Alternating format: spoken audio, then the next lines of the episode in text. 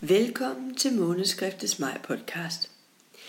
I forbindelse med palliativ forløb fylder patientens fysiske symptomer ofte meget, både for patienten og for lægen, men også at de psykiske symptomer og eksistentielle problematikker kan være lidelsesfulde.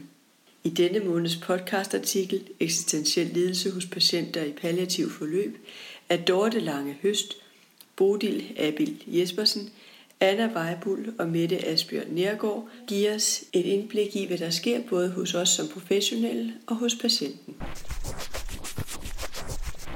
Alle dør alene, og det er smertefuldt at vide, at vores trøst og nærvær ikke rækker hele vejen ind i mørket.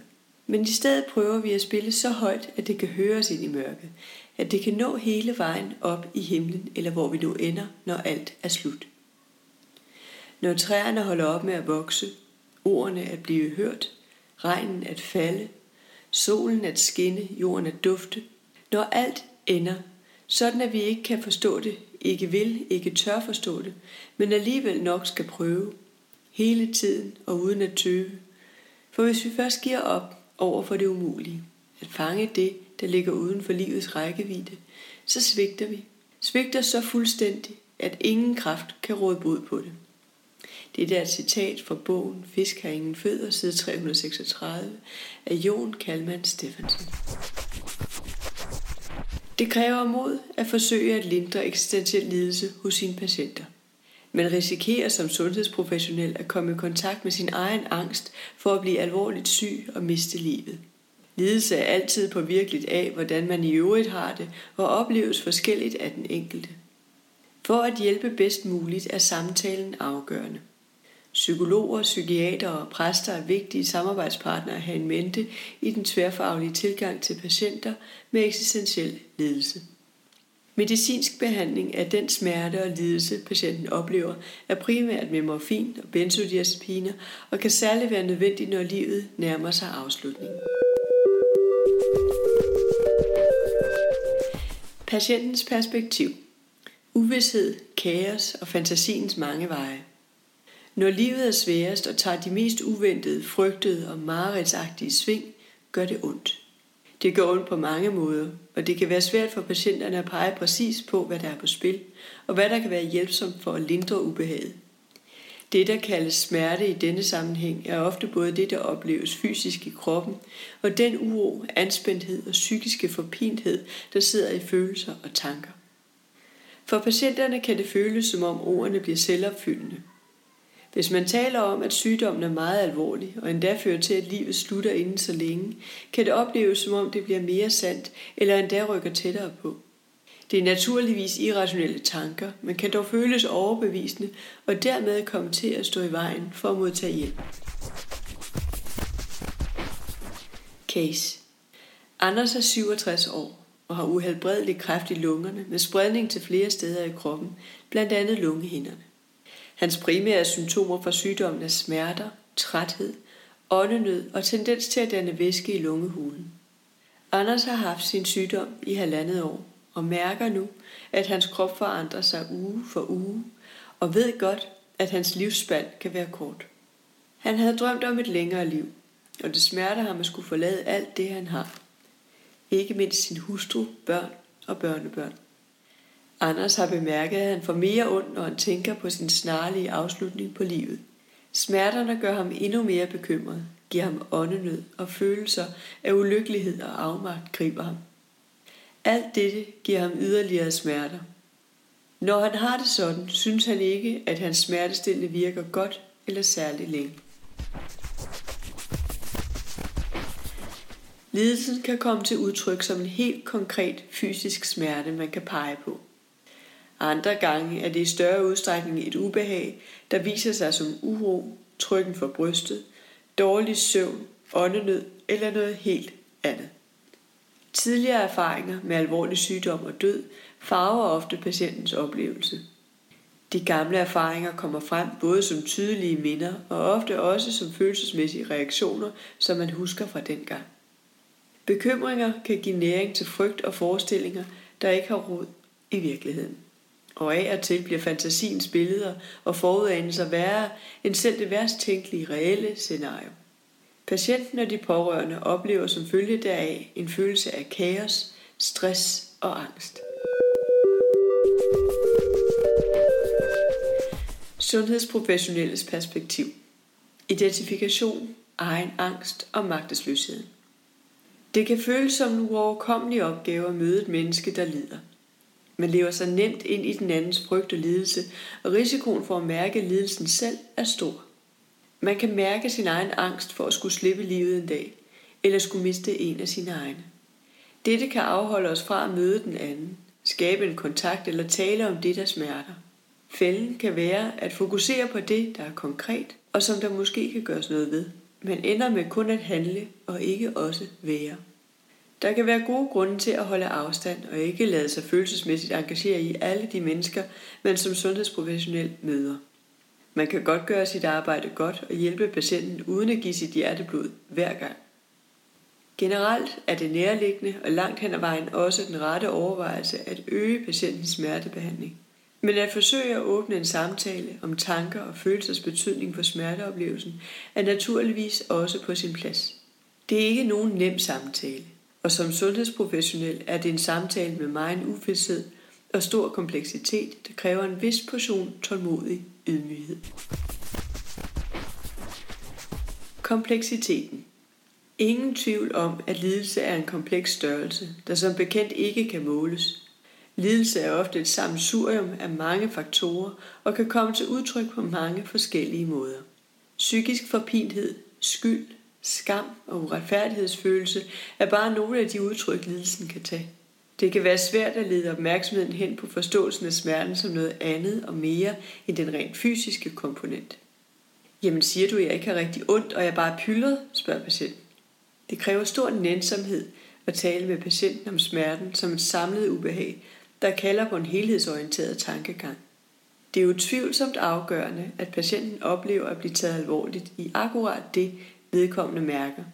Men også at man våger at afdække den kompleksitet, der er i eksistentiel lidelse. Som sundhedsprofessionelle vil vi naturligvis være optaget af, om og hvordan vi vil kunne hjælpe af medicinsk vej. Vi tænker på smertestillende og beroligende og alle de andre lindrende behandlinger, vi har, afhængig af hvilken situation patienten står i. Og vi tænker ofte også på helt basale behov, som skal tilfredsstilles, for at patienten vil kunne finde lindring. Det kan være søvn, mad og drikke samt praktisk hjælp. Overvejelser og strategier. I casen med Anders er der mange grunde til, at han lider – og naturligvis må man også søge mange forskellige veje i forsøget på at lindre ham. Samtale og nærvær. For nogle mennesker er det et stort behov at få mulighed for at tale om den situation, de er i. De her spørgsmål og tanker, de har brug for at dele med andre. Og ofte gerne et menneske, der ikke selv er følelsesmæssigt involveret i forløbet. Ofte er det værdifuldt at tale med mennesker, der har erfaring med lignende forløb, og som kan guide og rådgive i det ukendte land, de oplever at stå i. Mange kan føle, at de helt mister fodfæstet, og at de handlemåder og strategier, de plejer at anvende i livet, ikke slår til. Nogle har kun mødt meget få udfordringer tidligere i livet og føler sig helt uformående og hjælpeløse. En støttende samtale om det, der er vilkårene for patienten og de pårørende, kan være en uvurderlig hjælp – Sådanne samtaler, der mest handler om at sætte ord på det svære, at møde nogle spørgsmål, der afspejler en oprigtig interesse for deres liv, kan være en betydningsfuld form for lindring. Med en sådan samtale har man ikke ændret på de konkrete udfordringer, der er, men smerten er blevet delt, set og anerkendt, og det i sig selv gør det nemmere at gå videre. Angst, depression og psykologbehandling. Det er forståeligt en stor psykisk belastning for både den syge og de pårørende, at et menneske har en livstruende sygdom og nærmer sig livets afslutning. Psykiske symptomer som angst og depression er ikke sjældne, og der kan være behov for terapeutiske samtaler hos en psykolog eller støttende samtale hos en egen læge. Patienter og pårørende med psykiatrisk anamnese, tidligere eller pågående misbrug og erfaringer med store tab er i særlig risiko for at udvikle alvorlige psykiske symptomer og psykologbistand eller kontakt til psykiatrien kan naturligvis overvejes og om nødvendigt tidligt i forløbene. Liv, livsfortællingen og sjælesorg. Det er ofte livet selv, der motiverer os til at være udholdende i det svære. Denne sætning kom fra en præst for nylig og giver god mening. Netop i sammenhæng med lindring af eksistentiel smerte. Samtalen om livet, både det der er og det der allerede er levet, gør tanken om livets afslutning og døden nemmere at bære. Livsfortællingen, som præsterne ofte cirkler om i deres sjælesorgssamtaler, kan være vejen ind til et menneskes inderste. Det sted, drømmene, meningen, kærligheden og de nære relationer udspringer fra. At give liv til den sidste tid kan lyde som et paradoks, eller måske endda en vildvej, men at tro på et liv inden døden kan være det, der gør det udholdeligt, at døden nærmer sig. Også mennesker, der ikke tidligere i livet har gjort brug af folkekirken eller andre religiøse samfund, kan finde god hjælp og mening i at få en kontakt hertil, når livet gør ondt, og vi bør ikke tøve med at støtte en kontakt til hospitalspræsterne, den lokale sovnepræst eller lignende. Livsfortællingen handler om at skabe eller uddybe relationer, et menneske har haft i sit liv. Fortællingen er ikke blot en erindring, men den lille fortælling i den store, nemlig selve livets fortælling. Dette med det mål at blive rodfæstet i det liv, der måske ikke blev så langt, som man havde håbet, og som man nu kan have et ønske om at ville forsone sig med. Stilhedens stemme, når ord ikke rækker. I den uendelige historie af børnebogsforfatteren Michael Ende ønsker en af bogens hovedpersoner at træve at passere tre porte for at komme ind til det sydlige orakel, hvor han vil møde Ujulala, stilhedens stemme. Alle portene er en udfordring, men særligt den sidste, uden nøgleporten, er svær. Denne port holdes lukket af et stof, der reagerer på vores vilje. Jo mere man ønsker at komme ind, jo hårdere lukker den sig. Men hvis man formår at glemme enhver hensigt og slet ikke ønske noget, ja, så går den op helt af sig selv, forklarer den lille nisse Engiwuk. Dette må minde os om, at indimellem er stillheden og fraværet af ønske på et andet menneskes vegne det, der skaber forløsning og mulighed for et genuin nærvær. Medicinsk lindring. Morfin kan virke smertelindrende og beroligende selv i ganske små doser, også selvom smerten hos patienten i store træk er en eksistentiel lidelse. Sammen med benzodiazepiner forstærkes denne effekt. Disse medicinske tiltag skal naturligvis reserveres til perioden tæt på livets afslutning, men kan også være nødvendige og velindiceret i perioder inden. I ganske få og særlige tilfælde oplever vi på hospice, at der er brug for palliativ sedering. Dette er en lægefaglig vurdering, der træffes i en tværfaglig gruppe og sker efter aftale med patient og pårørende, og som kun gøres, når ingen andre veje til lindring er farbare. Forfatterne har anbefalet en række bøger, som følger.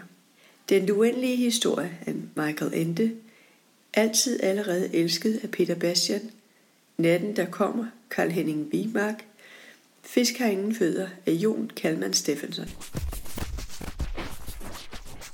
Hovedbudskaber Eksistentiel lidelse er multifaktoriel og kalder på en helhedsorienteret tilgang til patienten og de pårørende. Lidelsen kan vise sig som fysiske smerter, men også som opgivenhed, bekymring, skam, angst, åndenød eller andet, og det kræver tålmodig ydmyghed at møde patienten i det svære. Samtalen om patientens følelser og tanker er afgørende. Psykologer, psykiater, præster er vigtige samarbejdspartnere i den tværfaglige tilgang til patienter med eksistentiel lidelse. Medicinsk behandling af den, den smerte og lidelse, patienten oplever, er primært med morfin og benzodiazepiner og kan særligt være nødvendigt, når livet nærmer sig sin afslutning.